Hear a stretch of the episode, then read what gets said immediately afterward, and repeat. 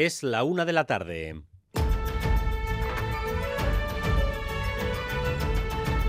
Crónica de Euskadi con Dani Álvarez.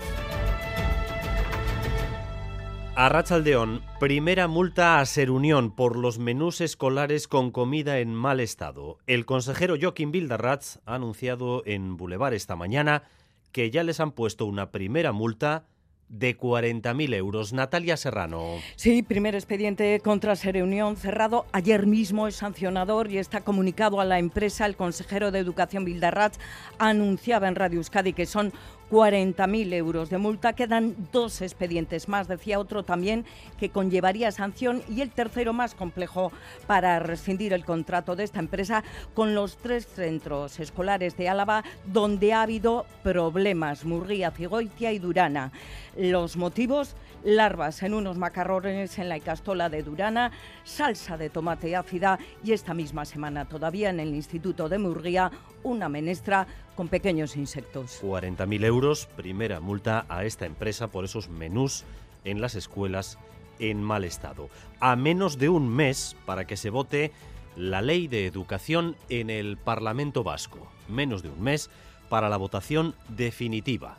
De momento, solo con el sí garantizado del PNV y el PSE después de que EH Bildu haya decidido situarse, al menos de momento, en el no a la ley por los modelos lingüísticos y ahora también por la financiación de los centros concertados. El consejero Joaquín Bildarratz subrayaba esta mañana que esas diferencias son de matiz y que esos matices no pueden echar por tierra un trabajo de tres años. En estos momentos estamos hablando de matices a una frase en una exposición de motivos en una ley de 101 artículos.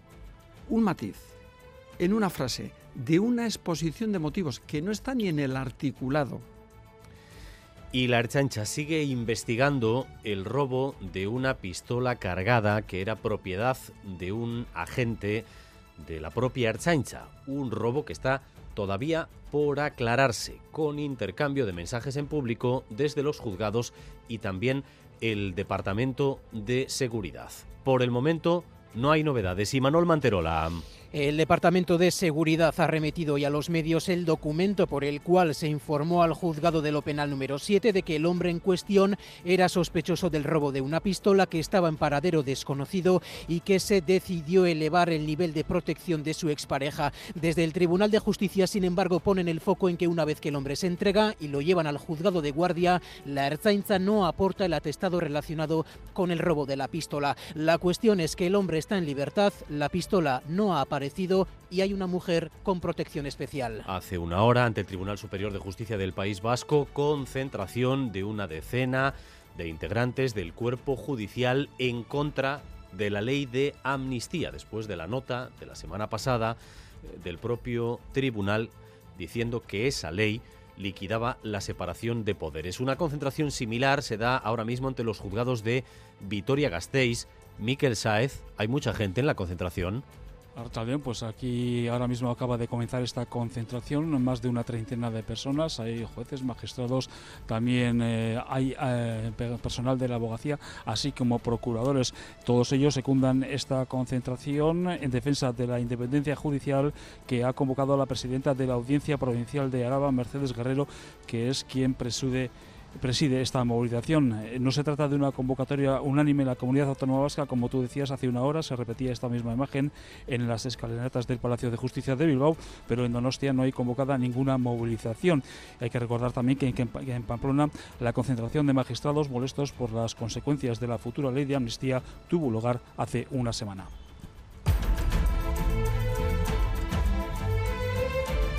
Hace cuatro meses comenzó el desmantelamiento de la central nuclear de Garoña. El proceso, que está en su etapa inicial, durará una década y hoy hemos podido ver de cerca cómo se está desarrollando. Ahora mismo, de hecho, en el corazón de la central está nuestro compañero Rodrigo Manero. Rodrigo, Arrachaldeón. Sí, Arrachaldeón, pues estamos en efecto dentro de la central, en su corazón, en el reactor nuclear que estuvo operando durante más de 50 años. Hoy está apagado, pero todavía quedan aquí 2.400 celdas de combustible gastado de uranio en una piscina que se van a trasladar al almacén, que es el único eh, edificio que quedará en este emplazamiento cuando acabe todo el proceso de desmantelamiento. Ya han empezado los trabajos previos para hacer todas esas tareas que arrancarán eh, ya a comienzos del año que viene en su primer fase. Hemos visto también la sala de máquinas de la central donde ya solo se vigila el combustible gastado y que no haya ninguna incidencia en toda la instalación, todo con una estética muy antigua de los años 70, cuando esta central de Garoña echó a andar. Está ya todo en marcha, como decimos, para que su desmantelamiento se complete, aunque tardará todavía una década y Tabacalera presenta la exposición Máquinas de Ingenio, en la que se unen el arte, la ciencia y la tecnología, con artistas como Marina Otero, Amaya Vicente o Elsa Iranzo. María Petecuta es la comisaria de esta exposición que va a permanecer abierta en Tabacalera hasta el 4 de febrero. Son eh, proyectos, obras, finalizaciones eh, muy sólidas desde un punto de vista artístico todos estos proyectos, en su diversidad, tienen en común esas metodologías de trabajo que son eh, eh, procesuales, experimentales y, y colaborativas. ¿no?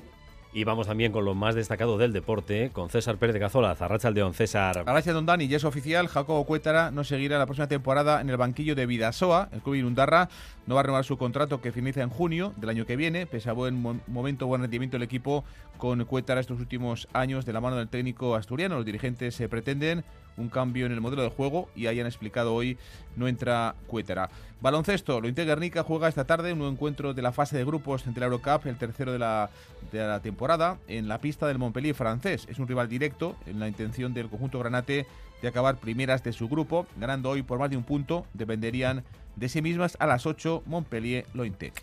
En cuanto al tiempo, ambiente soleado a estas horas en gran parte del país, aunque las temperaturas siguen siendo frescas, temperaturas que se van a mover hoy eh, entre los 10 y los 15 grados de máxima. Las nubes llegarán por la tarde-noche con alguna llovizna que podría caer especialmente en la costa. 14 grados ahora mismo en Bilbao, 13 en Donostia y en Bayona, 9 grados de temperatura en Vitoria-Gasteiz y en Pamplona. Gracias un día más por elegir Radio Euskadi y Radio Vitoria para informarse. Raúl González y Jorge Ibáñez se encargan de la dirección técnica, María Cereceda de la coordinación.